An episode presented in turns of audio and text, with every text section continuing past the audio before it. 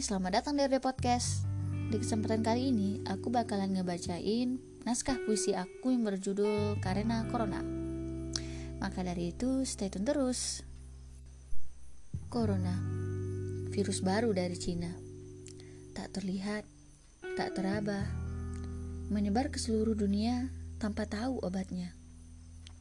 Tiba di Nusantara, remeh awalnya. Satu, dua, tiga, hingga jutaan orang terkena.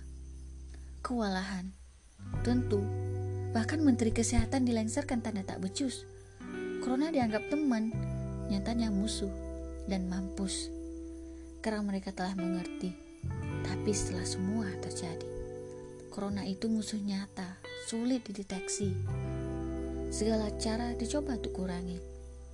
Bahkan pemerintah buatkan kebijakan berharap untuk ditaati, menggaungkan hukum yang tak biasa, seperti satu meter dan jangan geser.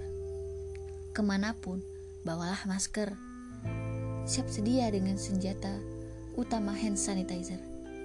Tapi masih banyak yang mengingkari, termasuk pembuat aturan itu sendiri.